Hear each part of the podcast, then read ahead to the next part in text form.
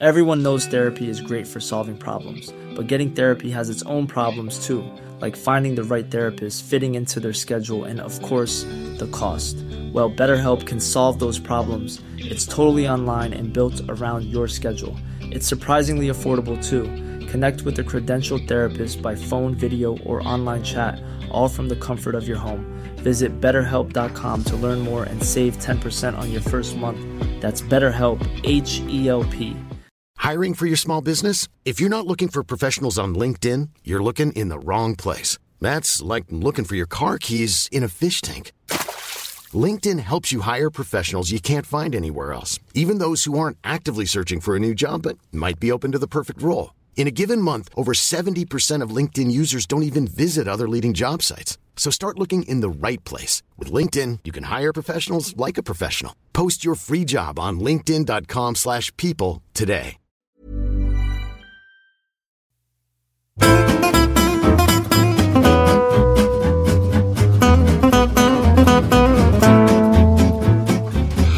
Mm, då kör vi då. Då säger vi hej och hjärtligt välkomna till den här veckans episod av Handbollspodden Avkast mitt i den första gruppspelsrundan av världsmästerskapet.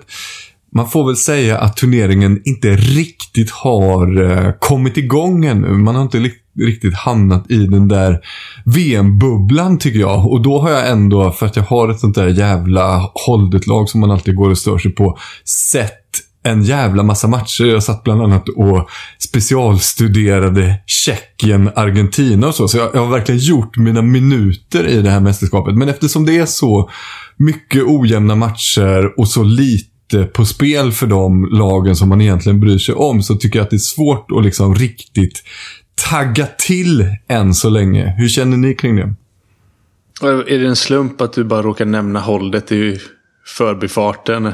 Efter du precis har meddelat att du, att du ligger på 57 plats i världen. Så det går ju ganska bra för ditt argentinska, polska lag. Eller vad du nu har satsat på för kusar. Det är helt rätt Charlie, det är bara en slump. Jag, är, jag skulle absolut aldrig ta upp det som ett eh, skryt eller så. Nej, Utan du är vi, inte som, vi bara inte som låter, Josef. Jag tycker bara vi låter det slida att jag är topp 1% i världen. Det, det tycker jag inte är någonting vi ska hålla på och orda om. Nej, det skiter vi eh, Nej, jag personligen, jag vet inte om jag är något vidare lackmuspapper. Det tror jag fan med att du är. Jag tror att du är ett Det- alltså? perfekt sånt eh, lackmuspapper. Ja, nej. Men eh, jag har ju känt väldigt lite pepp överhuvudtaget inför det mästerskapet. Eh, till skillnad från januari. Och jag har lite roligt samvete för det. Att jag var så jävla taggad inför herrarnas hemmamästerskap. Och det kändes som att hela Göteborg räknade ner. Jag tror att jag sa det. Att man kände liksom eh, vibben i hela stan. Och man såg de här eh, veporna och flaggorna kom upp. Och man liksom, ah shit, det var någonting som närmade sig. Det har inte varit tillstymmelse till det nu. Eh, och om det, vad, om det beror på att det är damer, är ju, det är ju fruktansvärt tråkigt om det är så. Eller om det bara beror på att det var inte så länge sedan det var ett hemmamästerskap och eh, man är mätt. Eller om det bara är allmän depression och eh, eh, recession och stagflation i samhället och livet generellt vet jag inte. Men eh, därför delar jag ju din eh, mening om att ja, just det, fan, vi är mitt inne i ett VM nu. Eh, och eh, konstaterar det lite yrvaket och sömndrucket. Och medelintresserat. Men eh, samtidigt så eh, behöver vi inte jämföra med herrarnas eller så, men känslan i, så här långt in i herrarnas mästerskap, alltså efter två matcher, var ju ungefär likadan som, som den är nu. I och med att det började med sådär ojämna matcher. Och, och Visserligen så blev det lite jämnare mot eh, Senegal idag än vad vi eh, kanske på förhand hade trott, även om Sverige rann ifrån lite på slutet. Men det är, för mig är det ju i mångt och mycket ett liksom, eh, VM det är fel på. Eh, och inte, inte mig, och inte handbollen, och inte damerna. Utan eh, det, är ju just, just Det är ju intressant. Konceptet. Ja, för eh, det, det här är som déjà vu fast tvärtom. Att vi hade den här diskussionen och jag var så jävla upprörd över den här skiten att vi ska möta. Då var det ju Kap Verde och eh, vad fan det nu var. Uruguay va? Ja, just det. Och, och vi satt, och när damerna vann med 40 mål mot Uzbekistan eller vad det var. Och du har alltid försvarat det. Och jag har, och jag har liksom sågat det. Och nu så känns det som att det har svängt. Att du är, Ja. du är emot och jag är för. Alltså, och jag, men jag, är ju lite tudelad för att min eh, grundtanke, eller min tanke då, den kan jag ändå hålla fast vid lite. Det är bara att, eh, och det var ju just det här med att ja, men det är positivt i, i det långa loppet så att säga med spridningen, spridning av handboll. Det, det står ju egentligen, men nu har jag fått en till tanke. Eh, nu, eh, och det är ju att, men det är för jävla tråkigt att se på. Eh, ungefär så. Eh, Det, och det, skillnaden då är bara att det var, liksom, det var den tanken som drabbade mig först. ja, ja, och, sen har jag börjat tänka på att men det kanske finns något mer. Det kanske finns Precis. något, något eh, större syfte Större. med det här. Och, och, och för Ja. dig är det tvärtom. Du tänkte först det existentiella syftet med hela handbollsväsendet och sen bara, fan vad tråkigt det här är. Ja. Men jag tänker att man får, man får börja betrakta VM nu som en turnering som börjar i mellanrundan. Precis. Och att det vi tittar på, eh, har tittat på den här veckan och kommer göra en omgång till nu. Det är kvalet. Det, kvalet det är ligger... träningsmatcher och genrep. Är det. Ja, ja, men precis så. Och så kvalar man in till mellanrundan och det är där som turneringen sätter igång. Och ja, vi kan väl, eh, vi kan väl bara släppa det formatsnacket, för jag är ganska trött Ja. på det. Alltså, ja, det är inte så kul, men man får liksom tänka bort de här första matcherna där Brasilien slår Kazakstan med 46-15. För det finns liksom inget idrottsligt värde. Däremot så Nej. tycker jag att den eh, lite nya kritiken, eller vad man ska säga, som Per Johansson lanserade på Ja, den, eh, X, den tycker jag är desto mer intressant. Och det han vänder sig emot då är att numera så är det för korrupt hur turneringen liksom då inom citationstecken lottas. För den lottas inte längre. Utan arrangerande mästerskaps... Eh, arrangerande nationer då får välja vilken grupp de ska tillhöra. Och så får de också välja vilka de ska möta i gruppen. Och så får de också då lägga ett schema liksom mot en mellanrunda och hur det ska se ut där. Så att det finns ju i princip inget lottning kvar då i ett sånt VM-träd längre. Och jag håller med honom fullständigt i den kritiken. Det är liksom inte idrott längre då. Då blir Nej. det inte det som är idén med idrott, att det liksom ska utkristallisera sig någonting på grund av de me- meriterna och de prestationerna man har på banan, utan det sitter i något slags styrelserum då och avgör. Och det tycker jag är för jävligt. Ja, och här tror jag att vi behöver stanna till lite. För eh, jag tror att vi lätt gör det misstaget, eller jag i alla fall. Som, eftersom jag konsumerar Handbollskanalen och eh, eh, Johan Flink i Aftonbladet och allt som skrivs här. eh, Så tänker jag, att, tänker jag ofta att ja, lyssnarna vet redan om det här. Eh, men det är inte säkert att alla som lyssnar på den här podden har full koll på vad det är vi snackar om. Så då, alltså jag tänkte bara liksom då rakt av eh, läsa till lite i eh, denna handbollens förkämpe Johan Flink. Som skrev väldigt eminent om detta, vad det är vi, vi faktiskt pratar om då. Eh, att det är liksom, det, det, är inte ens, det hymlas inte ens längre. Utan arrangörstrion som det handlar om här då, Sverige, Danmark och Norge. Eh, de får liksom då placera in sig själva och ytterligare fem lag i varsin grupp tre dagar före lottningen ens har gjorts. Det är, alltså, det är så oerhört sjukt. Och, och, och liksom innan så har man lite grann kunnat ursäkta det med att ja, men, om vi ska ha en grupp som spelas i Malmö när ett mästerskap går i Sverige så är det jättebra om Danmark spelar där. För att då kommer vi få sålt och det finns ekonomiska eh, grejer och sådär. liksom. Men det är liksom inte riktigt så. Det går inte att hitta de kommersiella skälen nu. Att det är liksom, nu, är det Christer Bergström då, VM-chef får man väl säga. Eller vd för handbolls-VM 2024 eller 2023. Eh, liksom, han kan inte ens hitta på något utan säger bara nej, det är av sportsliga skäl. de försöker liksom inte ens gömma sig bakom något annat. Eh, utan de har försökt ge sig själva en så lätt väg fram till semifinal som möjligt helt enkelt. Jo, det tycker jag ska sägas för jag tittade på via Plays införsnack när liksom turneringen höll på att blåsa igång. Och då var det Johanna Alm som sa det att ja, men nu har Sverige chansen för nu har vi fått en drömlottning fram till semifinalen. Mm. Det har vi inte. Vi har lagt en drömlottning. Ja, vi har lagt, då, dröm, vi har lagt en drömväg eftersom ja. vi fick mästerskapet. Alltså ja. när man får mästerskapet så kan man ju numera gött, semi. Mm. Det är ju så det är. För att då fick man liksom, man fick välja grupp. Sen fick man alltså placera ett valfritt lag i den grupp man skulle slås ihop med i mellanrundan. Eh, Thomas Axner bestämde då för Sverige. Han fick liksom bestämma själv och valde Montenegro. Eh, Norge fick välja också. De tog då Frankrike. Och det kan man ju tycka är lite överraskande. För det är ju liksom andrahandsfavoriten till att vinna. Men det betyder ju också att så här, för det första är Norge så här, äh, vi skiter väl i det. Vi vinner mot dem ändå. Och de, de möter på dem i mellanrundan då. Men de riskerar därmed inte att ställas mot Frankrike i vare sig kvartsfinal eller ens i semifinal. Så det är liksom taktiskt av det skälet att, ja ja, det är inte hela världen om vi skulle gå på en mina mellanrundan. Då slipper vi dem sen ändå, fram till det final. Eh, Danmark valde Tyskland till sin grupp i mellanrundan. Och sen så fick Norge, Sverige och Danmark då, de fick snacka ihop sig. Och så fick de placera ut Nederländerna och Spanien i varsin grupp. Så tänk den teamsmötet. Vi sitter här nu och ska podda. Liksom. Så, är så här, sitter norske förbundskaptenen där. Och så liksom kommer och så dansken och så Axner och så bara, äh, vad tycker ni? Vilken grupp ska, vilken grupp ska Holland få? Liksom? Jag kan ju fatta Per Johansson att han är lite lack på det här. Att de ja. liksom har suttit och bara, äh, vi, vi lägger Holland där borta.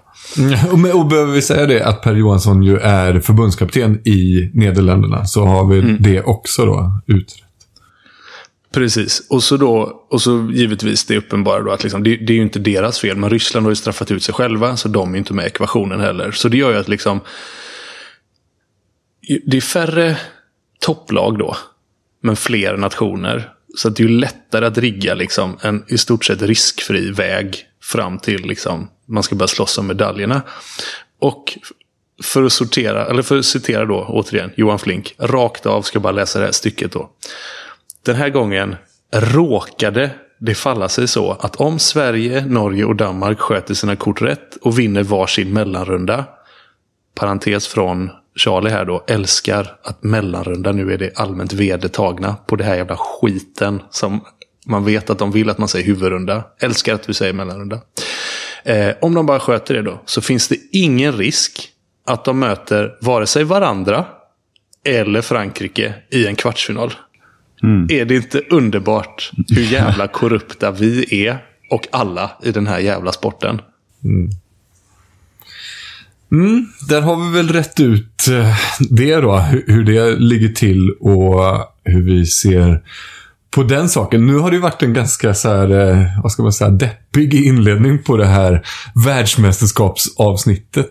Men jag tänker att eh, nu kan vi lägga det bakom oss lite och titta på det rent sportsliga som faktiskt har skett.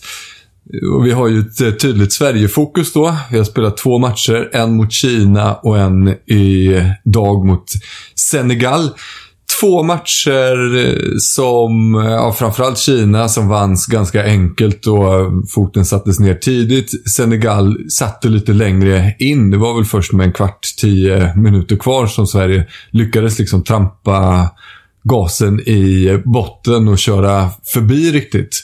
De ledde ju hela matchen så det var väl inte sådär liksom eh, eh, någon kris på gång. Men det, det, det ja, jag, jag ställer frågan till er. Hur tycker ni det har sett ut? Eh, ja, men eh, jag ska bara, apropå Segan-matchen, du sa att de eh, inte körde gasen i botten förrän den sista kvarten. Och känslan var ju att problemet var att de körde gasen i botten mm, från, från sekund ett och liksom så stod i, i försvar i två minuter och så sprang och kontrade och, och, spelade med lite väl hög risk väl i den kontringen. Liksom. Så fick de stå två minuter igen i, i försvar. Och, eh, men det, det är klart att så här, ja, i slutändan så, så vann de ju med, med åtta bollar och man, känslan var ju hela tiden att Sverige att det aldrig var någon fara på taket. Eh, riktigt. Senegal är ju charmiga, men eh, inte jättevassa ändå. Eh, och det är klart att eh, ja, man tycker väl att det hackar lite och, och sådär. Men eh, fan, jag kan ändå förstå att eh, liksom Sverige hade det mindsetet att man ska gå in, höja tempot och, och ösa på och knäcka dem i kontringen och, och springa ner dem och, och, och så vidare. Liksom. Men att, det inte, att man inte riktigt fick betalt i det. Liksom. Men jag drar ändå inte för stora växlar av att eh, det eh, hackade lite. Nej, eh, det positiva jag tar med mig är ju att det här snacket som var inför att eh, vi har bara liksom en startsexa eller en startsjua som kan leverera och, och att eh, ja, det blir en helt annan när andra femman grishockey kommer in. Liksom. Idag var det ju flera som kom in från bänken och levererade, inte minst i den fasen när vi faktiskt gick ifrån och vann. Sen om det berodde på att eh, precis då så tog krafterna slut för Senegal som liksom, de går på riktigt runt på sju, åtta spelare känns det som. Eh, det kanske var ett sammanträffande men det var ändå så att liksom de Jong kom in och gjorde bra grejer och Dano kom in och, och gjorde bra grejer. Så det, det är positivt. Det man kan känna är ju lite...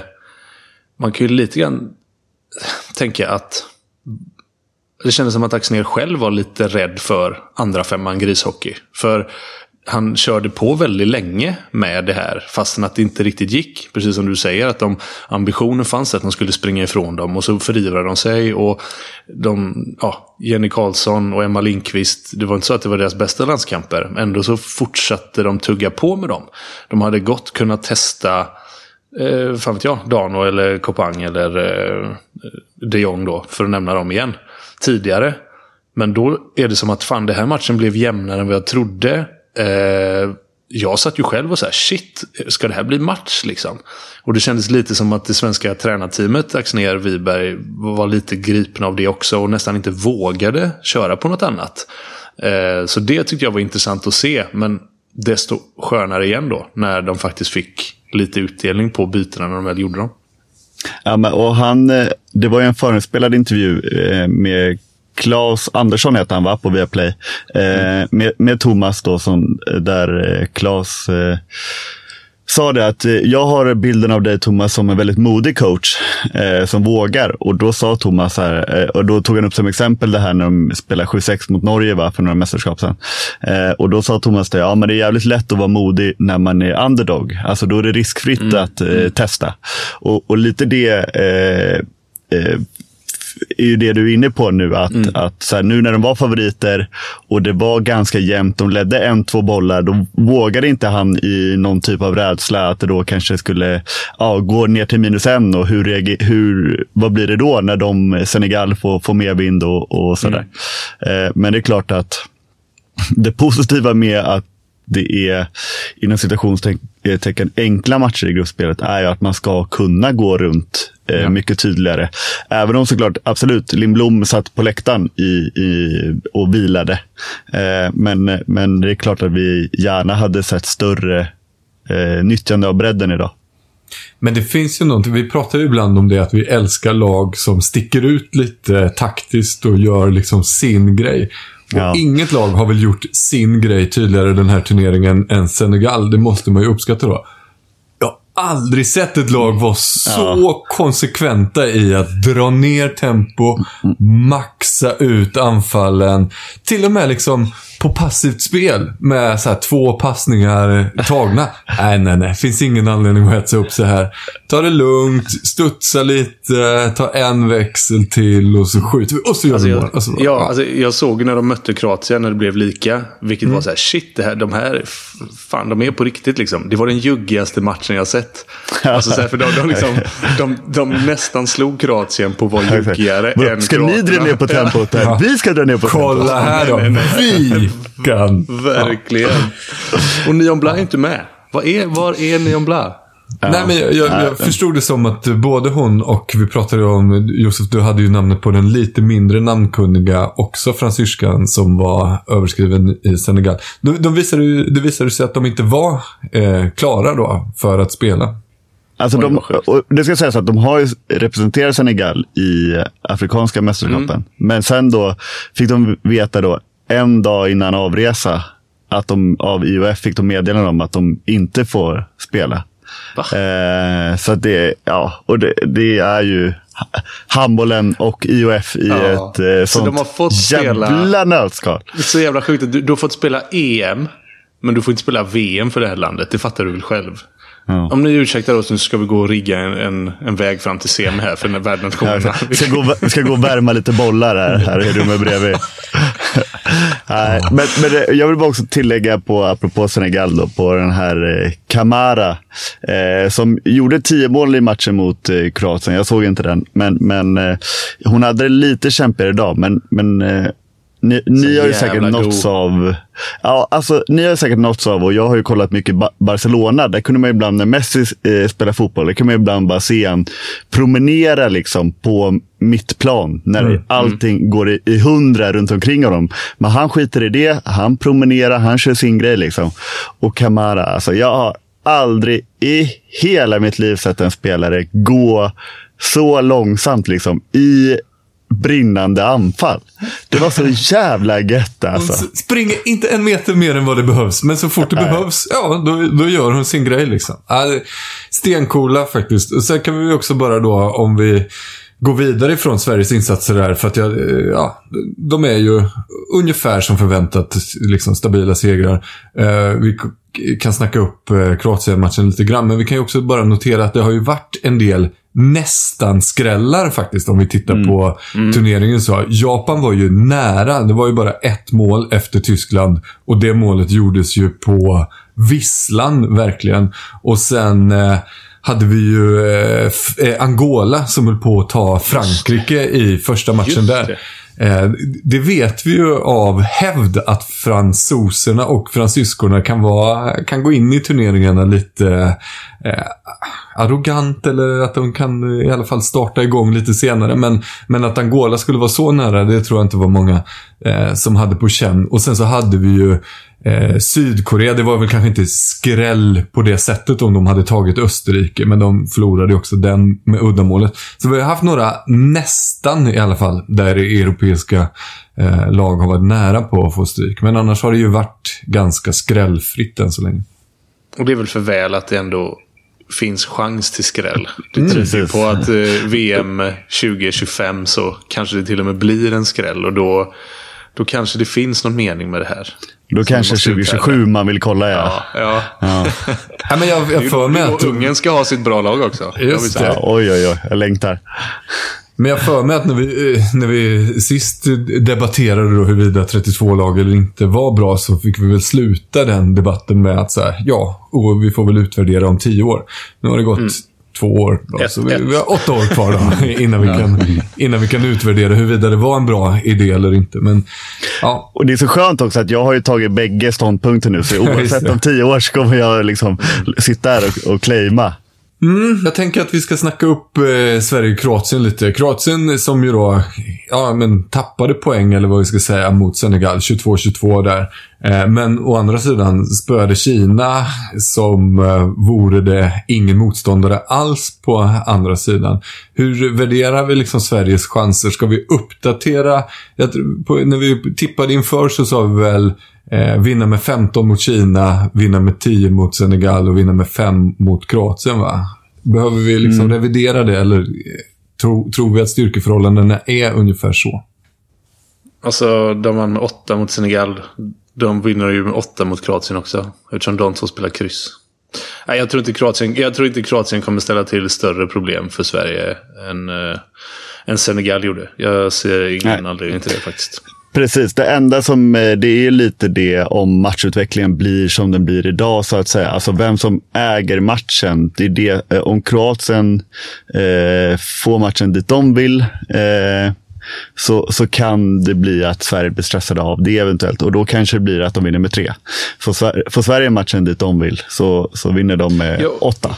Och det borde ju vara en lärdom kan jag känna med. Alltså om du har hemmaplan eh, och alltså, är stor favorit. Då får du lite grann se till och få matchen Ja. dit du vill. Ja. Och det eh, gjorde Sverige inte ett tillräckligt bra jobb med idag. Nej. Förhoppningsvis så blir det en viktig lärdom och att det ser bättre ut redan mot Kroatien. Och så kan de leda med fem eller sex redan i halvtid och så är det färdigfikat, typ. Ja, precis. Och innan vi spelar in nästa poddavsnitt, då har ju mellanrundan dratt igång. Och då tänkte jag ju nu inför det här avsnittet att vi skulle ju kunna också stämma av hur Ungern och Montenegro har sett ut som vi kommer korsa mot. Men de två lagen har ju mött Paraguay och Kamerun. Så att Såg bra jag, ut. jag, jag gissar att ingen av er har från de två matcherna tagit med er någon eh, vidare analys och sagt att oh jävlar, Ungern såg ju rätt bra ut ändå. De slog ju det ena laget med 20 eller så. Utan vi, vi får väl fortfarande hålla det som så här, ja, vi får se huruvida Ungern är bra eller inte ännu. Och vi får se om Montenegro har fått ihop ett lag då av eh, det som finns kvar av det där eh, generationsväxlade laget. Det tycker jag är en, ja, precis. Tycker jag låter rimligt. Och lite samma eh, kan man väl säga. Ja, Frankrike då. Mm, var nära på att gå på den där minan.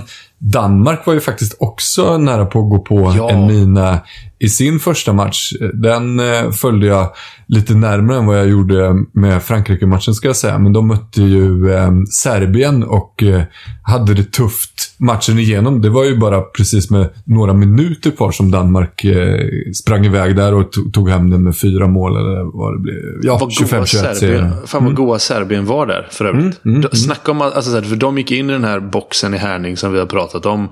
Och eh, mot en, eh, alltså jag, inför i alla fall så skulle jag hålla Danmark nästan, alltså före Frankrike. Om man har någon sån oddsfavorit liksom. Norge, Danmark, Frankrike.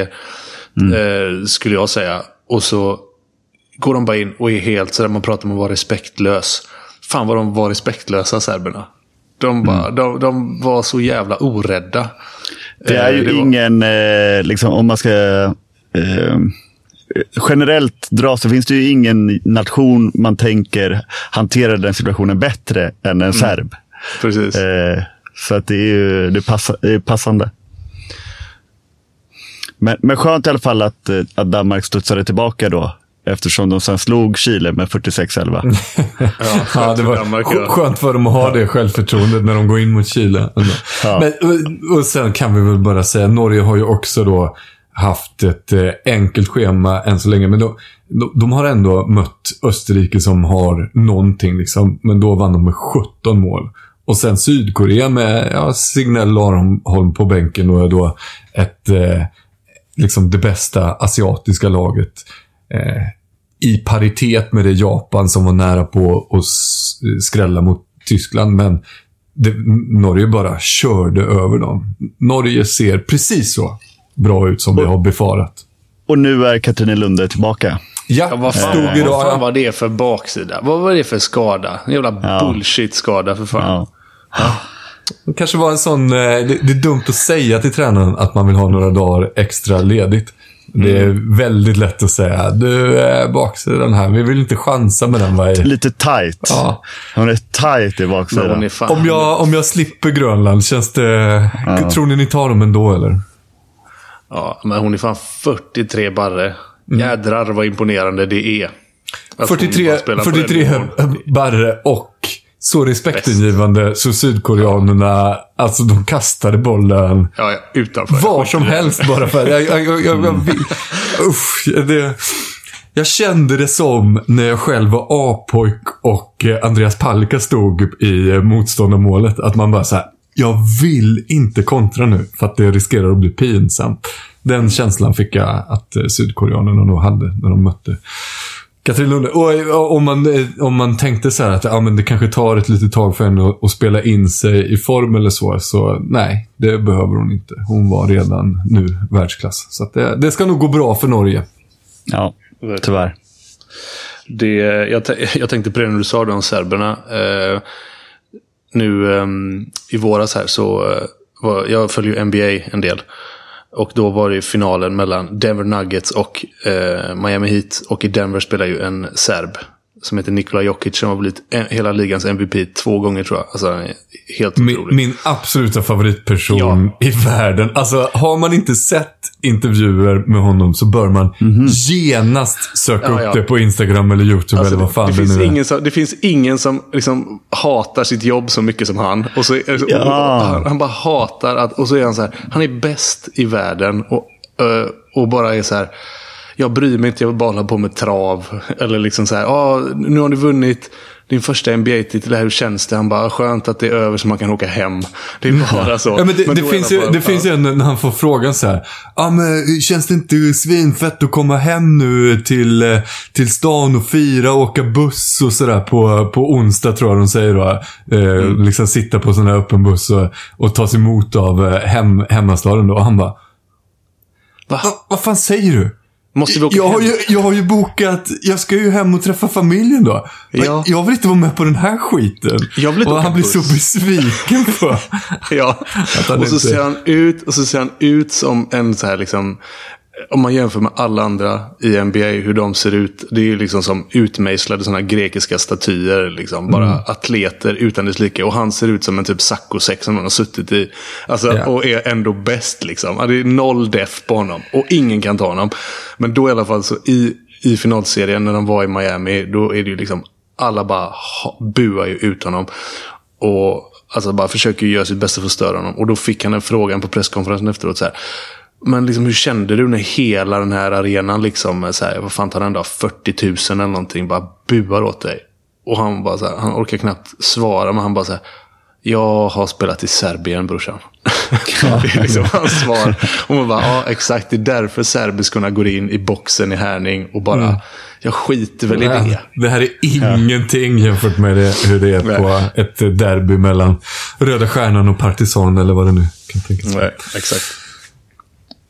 Gott så. Har ni något annat som har stuckit ut under VM än så länge? Någon eh, spelare, någon, något lag, någon... eh, Jag tror vi har ramlat igenom det som i alla fall jag har noterat i min anteckningsbok här. Ja, nej. Nej, jag är Vi nöjd. det götta. Vi tar, Chile blir special, specialavsnitt. De, de och Aranäs. Ja, pa Patrik Fahlgren har sagt att han så jävla gärna vill prata en timme chilenskt försvarsspel. Vi får se hur det blir med den saken. Men eh, då rullar vi vidare då, så rullar vi tillbaka till eh, de inhemska ligorna. För det här har det ju hänt lite grann. Inte på eh, damsidan, för där är det ju uppehåll, men på herrsidan. Det första som hände var ju att, eh, eller den största grejen som hände var ju att eh, Amo fick stryk emot Lugi. Och det kan man väl tycka vad man vill om. Det var väl oväntat och det var en, en skräll av Lugi. Och, och du var ju inne på det Charlie förra veckan att Amo såg ut att ha tappat huvudet lite och att de gick runt och såg lite väl sura på varandra både från bänken och eh, nere på plan och så. Men ingen hade väl någonsin kunnat tänka sig det som hände då, nämligen att eh, Andreas Stocken Stockenberg, tränare i Amo, går in i omklädningsrummet och säger upp sig på stående fot ifrån sitt jobb.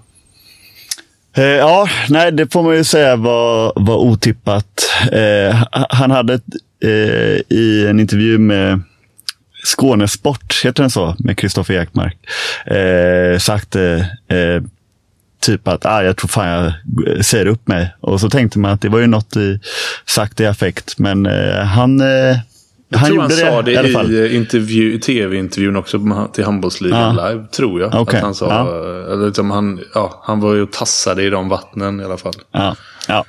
Nej, men och, eh, ja, precis. Alltså, hur ska man eh, tolka det här? Eh, för att han eh, har ju uttalat sig lite i, i både Aftonbladet och, och på X då, som vi tydligen säger nu. Eh, och, men, men för mig är det ju ganska enkelt på så sätt att han, han liksom viker ner sig. Eh, när, eh, efter jag vet inte, fem, sex eh, matcher eh, utan, utan seger och eh, då är det inte lika lätt att eh, klappa sig på bröstet eller, och, eh, och säga att man är, är störst, bäst och, och vackrast. Liksom. Utan då är det enklare om man vill behålla det narrativet att, eh, att eh, inte att eh, ge upp. Eh, så tolkar jag det. Jag tänker, att det, jag tänker att det måste finnas en anledning det har ju surrats och ryktats om att det finns eh, anbud från annat håll. Eh, mm. Och det är den enda anledningen som jag kan se till varför man gör det här. För att det, det är att han vill göra något annat som han tycker verkar roligare. Eller som är bättre betalt. Eller vad fan det du än är. För annars så säger man ju inte upp sig. Alltså så här, han, han har liksom investerat de här åren i Amo. Han bor där. En lägenhet som Amo har fixat. Eh, och, och, betalar. Ja, och betalar. Så det, alltså, det här snacket om att Ja, men eh, alltså den här altruistiska vinkeln om att eh, om inte jag når fram till spelarna så är det bättre att någon annan försöker. Och Det här är ett exempel jag tycker fler tränare borde följa. Det är liksom en, det är en sån hög med hästskit. Så jag har fan inte varit med om något värre. Det finns ingen jävla sanning i det. Om du frågar mig. Det han gör det är bara egoistiska skäl. För att han vill göra något annat. För annars så säger du inte upp dig. Alltså så här, för vad då? De är nykomling. De ligger precis utanför, eh, utanför kval. Eller vad säger jag, utanför slutspel. Eh, de började skitbra. Och så har de torskat. Ja, de har torskat jävligt mycket matcher. Men det är ju liksom inte så att någonting är kört. Det är inte så att eh, styrelsen har varit på honom. Det är inte så att det liksom har skärpt till det. Annars Amo är lika så här, Vi har inte sagt någonting. Vi har jättestort förtroende för honom. Så ja, de, bara, de ligger nia. Alltså, mm ungefär som förväntat. Vi tänkte väl alltså att de skulle komma till slutspel. Alltså två, två, tre, fyra positioner högre upp. Men precis som du säger, det finns ju all möjlighet att det kommer... Ja, ja. Och, och, och Vas Vasco har ju varit skadad. Eh, mm. Gisim har väl fortfarande inte satt sin fot på plan, vad jag har sett i alla fall. Han kanske har varit inne någon gång, men jag har inte sett honom spela. Eh, det, det, är alltså två här... poäng upp till sjätte plats. ja, precis. Och alltså jag kan bara känna lite så här. När man, man har fäktats mot fler väderkvarnar än Don Quixote någonsin har gjort. Och hela tiden har kört på liksom vi mot alla och jag går min egen väg och jag väljer Amo och Amo väljer mig och vi är liksom alla hatar oss men det är vi mot alla. Eh, och, och där, vi, vi, vi går ut i krig tillsammans. Det är inte svårt när du vinner tre av dina fyra första i handbollsligan. Det är inte, det är inte svårt när du liksom går till Final Four efter att ha fått Aranäs. En jävla drömlottning får man ju säga. Eh, utan det är när du har förlorat sju av åtta matcher. Det är ju då kriget börjar. Och mm. alltså så här, du, du har förlorat mot Kristianstad, Sävehof, eh, Ystad, Malmö. Malmö. Alltså så här, mm. ja visst, det är inte bra att torska mot Lugi och släppa 40 mål. Fine.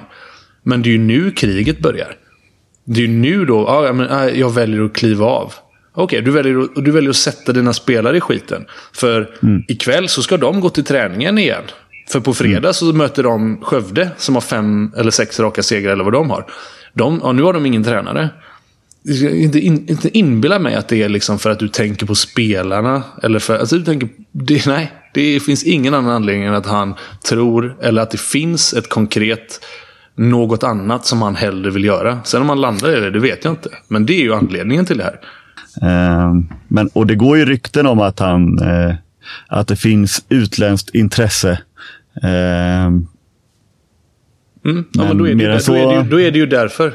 Sen, mm. alltså så här, sen om, liksom, det funkar ju inte heller så att bara för att man säger upp sig så kan man gå utomlands. Alltså så här, du, du har ju fortfarande kontrakt. Men det är ju, alltså, då blir det ju en sak mellan så här, klubben, Stocken, Amo, vad det än är. Men jag menar, alltså sättet att bara så här lämna laget när det går tungt. Mm. Ja, nej, jag vet inte. Det, det känns sådär, måste jag säga. Mm.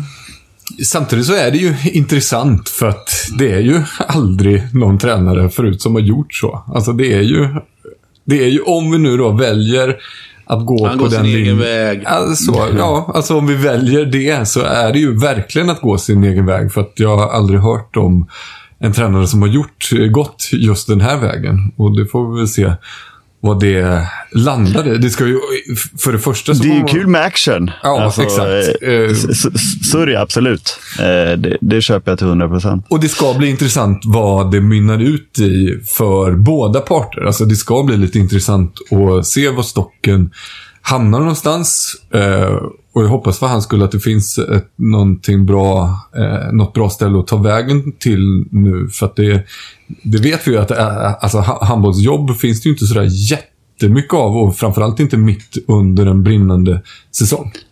Nej, och, och, och det tänkte jag också på att det blir ju att man... Eh, alltså det här är ju något som om en handbollsligaklubb eventuellt ska rekrytera en tränare eh, så vill man ju gärna göra det på, på eh, sikt. Liksom. Alltså det blir ofta tvåårskontrakt för, innan man känner vad man vill ha av varandra. Men sen så handlar det ofta om att eh, ja, man vill gärna ha en tränare på lång sikt. Och att jag tror ju att andra handbollsligaklubbar kanske tvekar lite för att ja, det spelar inte så stor roll vad som står i kontraktet. Efter eh, några torskar då så, så, så säger tränaren upp sig. Eh, det blir liksom en, en, osäkerhetsfaktor som, som spelar in hos en arbetsgivare och en risk som de eventuellt kanske då inte vill ta. Och sen mm. har man dessutom sagt att alla andra handbollsligaklubbar är skit och att alla tränare är dåligt och att alla ungdomslandslagstränare är sämre meriterade. Så det, kan, det är kanske också en anledning till att inte så jävla många som är sugna. Så det är nog säkert intresse utifrån. För att det är, alltså, så pass ärliga kan vi vara att det är, Jag har ju själv haft honom och vet att det är en jävligt duktig handbollstränare. Så att jag kan förstå att liksom hans skillset är um, intressant för uh, klubbar från andra länder. Alltså fine, inga problem med det. Men som du säger, just den här liksom svansföringen. Och hur mm. man har valt, hur, liksom, hur man uttrycker sig. Och uh, ja, det ena med det tredje gör ju att det inte... Det är ju liksom inte bara så här att det står åtta handbollsligaklubbar på rad och är supersugna nu. Även om jag Nej. tror och jag råkar veta att det är en. och det kan vi mm. återkomma till. Och om, och om, ni vet, om ni får höra vilken det är så tänker ni ja, det tror fan det. ja, jo. Mm, intressant. Men det ska också, tycker jag, bli eh, spännande att se vad AMO plockar in. För det är inte heller då, om vi säger att det inte finns sådär jättemycket lediga handbollsjobb mitt under en brinnande säsong. Så finns det ju inte heller sådär jättemycket lediga handbollstränare mitt under en brinnande säsong. För att AMO måste ju få in något eh, så snart som möjligt. Och gärna då någonting som kan få den här formsvackan att vända och börja plocka hem poäng igen. Och det ska ju bli kul att se. Vi, vi, känner ju sportchefen Emil Berggren mycket väl och han har ju både en och två rävar bakom sina öron. Så det ska bli spännande att se vad han plockar fram.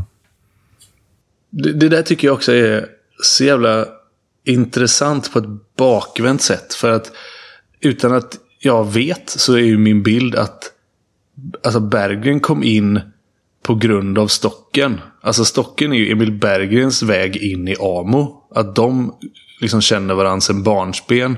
Har en relation. Och eh, Emil har liksom tid över i sitt, eh, från sitt vattenrutschkaneåkande. Så liksom stocken fixar in Emil i AMO-organisationen. Sen säger han upp sig kvar Emil Berggren och ska hitta en ersättare med skit. till den här gubben ja. som bara säger vad fan gör du nu? man skulle ju vilja man skulle ju vilja få lite printscreens från deras sms-konversation. Så här, vad gjorde du nu? ja. ja. Också bara liksom eh, få en eh, topp fem Emil Berggrens ansiktsuttryck när han liksom tog del av nyheten då i fredags eller när det nu var. Liksom. Och liksom de djupa suckarna som lär ha satt vibrationer i, i Kristiansands eh, barnpool till och med. eh, men eh, ja, nej, det ska bli, bli väldigt spännande att se hur, hur han eh, löser den här skitmackan som det ändå är för honom. Liksom. Ja, ja. Mm. Och om vi stänger den dörren så kan vi ju notera att eh, detta Ystad IF som vi eh, trodde var seriens hetaste lag. Eh, inte, inte alls är det längre nu. För nu fick de torsk mot eh, Eskilstuna Guif med Alltså på hemmaplan då släpper de in 34 mål mot Guif. Och eh, ja, det är väl någon typ av ny kris i Ystad Hade det inte varit för att det var Oskar Karlén som stod där på tränarbänken och vi har så jätte jättestort förtroende för honom och han har visat tidigare vad han kan och så. Då hade man väl börjat surra om att så här, vad, vad fan är det som händer i Ystad? Borde de inte börja se över ja, typ tränarsituationen? Emil Berggren Ja. hoppas ju att Ystad ska kicka honom. Ja, det, det kommer, det kommer ju aldrig ske såklart. Men, Såklart inte kommer. men nu, nu har det ändå gått 11 omgångar och Ystad ligger 10. Är ni med på vad jag menar? Det hade surrats om det inte hade Ja. varit så. Ja, exakt. Nej, men jag tror att det, jag sa det för några veckor sedan att så här, i Tyskland så hade det ju varit kört. Eh, Men eh, nej, och jag tror väl inte som sagt att det, det tror väl ingen är den eh, är lösningen. Men, men det är klart att eh, de såg ju jävligt heta ut. Eh, åkte ju sen mot till Kristianstad utan Filip Stenmalm, vilket eh, kunde synas i, i deras försvarsspel. Men sen så nu mot Guif så det jag såg så jag tyckte mig se alla gubbarna på plats. liksom. Eh, och, och det här Guif som ju omvänt då är, är ett, eh, har blivit ett utropstecken än så länge efter elva omgångar. Men, men eh, nej, det var nog en, en eh, inte den reaktionen efter Kristianstad-matchen som jag tror att eh, Oskar Karlén var speciellt sugen på att se. Alltså. Eh, men Lennernäs 11 kassar eh, och, och Marko Roganovic ja, väldigt, väldigt hög procent i, i kassan. Marko Roganovic som vi ju noterade var uttagen i den stora svenska bruttotruppen som ska eh, ja, blicka fram emot EM. Han har tagit stora kliv och det är också noterat av landslagsledningen. Ja, före Fabian Norsten, vilket ju är intressant. Ja, men det säger ju också, eh, precis som vi har en power ranking på Ystad som eh, var nummer ett ena och nummer tio typ nästa vecka. Så Fabian Norstens power ranking har ju sjunkit sedan han gick till Ålborg och eh, fyller Niklas Landins flaska kan man ju säga. Det är inte, alltså så här, jag, jag, jag, jag lägger ingen värdering i det. Eller det gör Nej. jag väl. Men jag vet ju inte om han är en bättre målvakt nu än han lämnar Skövde. Jag gissar att han ändå är det. Men det är liksom så här. Mm, Ja, men han det är syns lite, ju inte. int- Mm. Nej, och det är faktiskt lite intressant det där. För att, alltså det är klart, han spelar inte supermycket. Han spelar en del, men inte supermycket. Men samtidigt gissar jag att så här, Ålborgs träningar, alltså Mm, Fabian. Norstens får mer kvalitativa skott på sig på en vecka under träningar än vad Roganovic får på en hel säsong ungefär. Japp. Eh, men, eh, men det är klart, visar man inte det på match så är det svårt att bli, bli uttagen. Men, så jag vet inte, men det, Nej, det man har kanske någonting. heller inte känns så... Alltså så här, det finns ju någonting med att vara liksom i form. Som Ja. är ett hatuttryck jag har egentligen. Men, men du får ju ändå inte den... Ja, du får träningen. Mm. Men du får inte riktigt den matchgrejen. Men, för, men i övrigt så håller jag med dig. Jag resonerar... Jag har resonerat så själv. Alltså så här, ju, du gör ju 90-95% av din handbollskarriär gör du på träningen.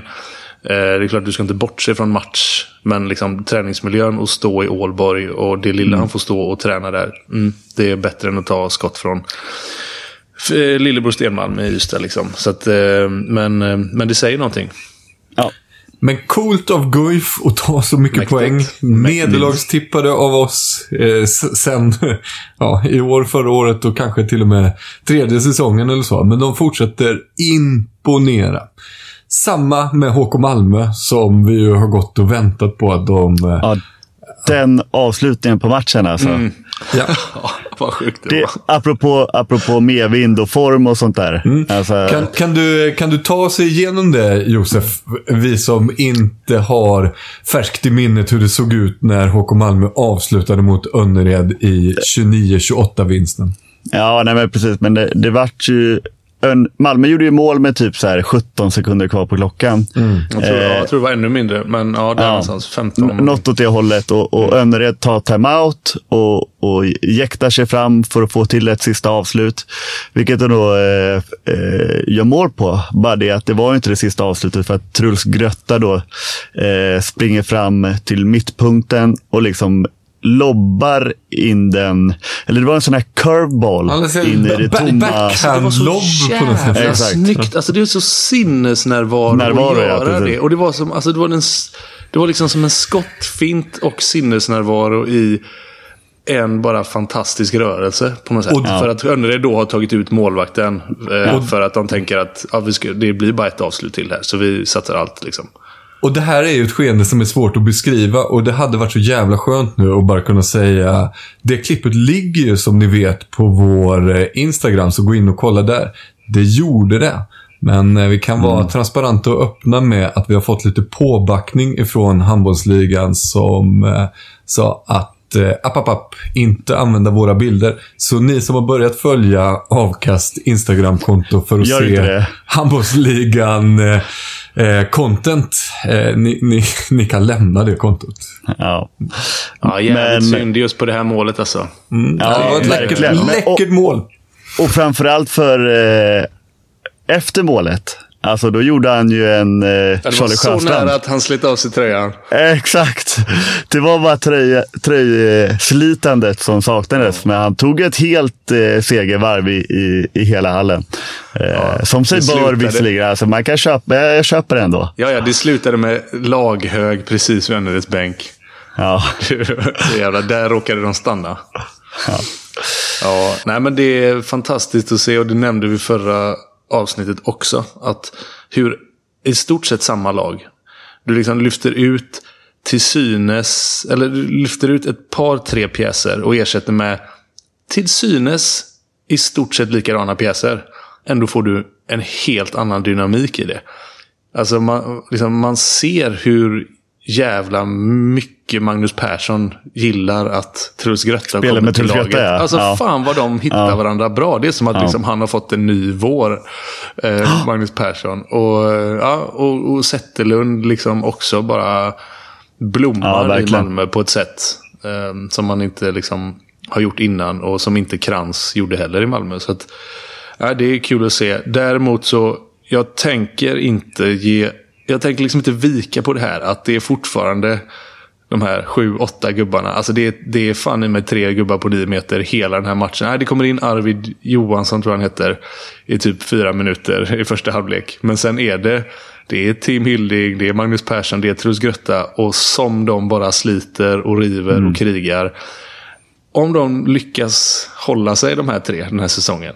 Ja, då är det bara hatten av och eh, liksom ska aldrig mer tippa Malmö någonstans i hela, någonsin utanför ett slutspel. Men nej, det räcker med en liten gubbavad på eh, 33-årige Persson så eh, kan det se lite jobbigare ut för dem. Mm. Så är det. Och sen så hade vi också då eh, en eh, match uppe i Eriksdalshallen som var en repris på Svenska Cupen-finalen, nämligen Bayern mot IFK Kristianstad.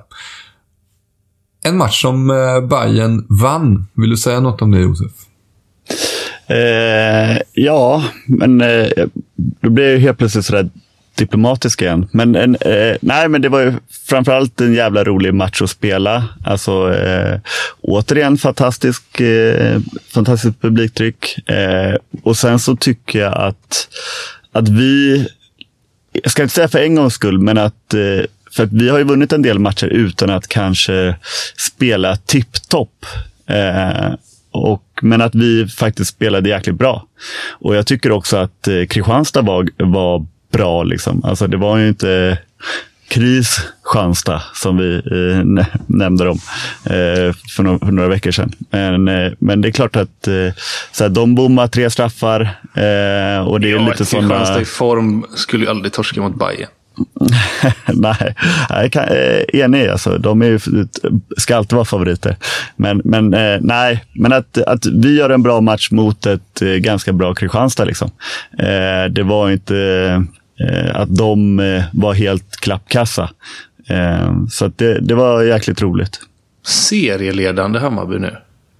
Ja, i, i några dagar till i alla fall. Tills vi, vi ligger ju... Ja, ni, är fortfarande un, ni är fortfarande underdog. Eh, Nja, men eh, Sävehof eh, har ju en match mindre spelad va?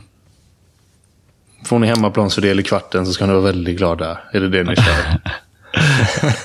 Nej, jag, ja, men grejen är så att det är ju faktiskt Det är fortfarande när du otroligt... Segt när du har sagt eh, att ni ska komma till SM-final bara. Det Ja, Nej, men att det är så jävla jämnt i, i toppen. Så det är klart, vi är ju serieledare just nu, men eh, ge det någon dag så spelar Skövde säkert. Eh, och sen så spelar Sävehof dagen efter. Så att det är jävligt kul att, eh, även om det inte var de, det tre kejsarslaget som vi kanske trodde på förhand, eh, med eh, Kristianstad och Ystad som inte riktigt är där uppe ännu i alla fall. Men att det är så jävla tajt och jämnt alltså.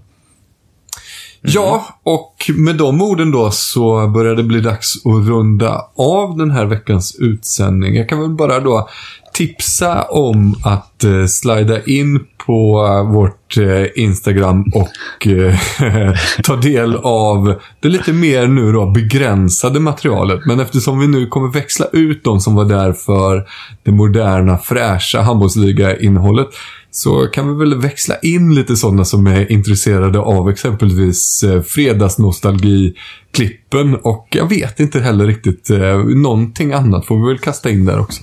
I mixen. Kan inte, du liksom. försöka, kan inte du försöka återskapa de här klippen liksom när du är på din dotters handbollsträning? Ja, just det. det kan... Först så kom Alfredén här. Och sen så stod Truls Grötta här. Och så, så man ändå får en bild liksom. Om man inte har ett handbollsligan live-konto. Ja, men det ska jag börja göra. Jag kanske ska köpa en sån här taktiktavla som eh, tränarna har och liksom eh, filma av det och dra upp det på det viset.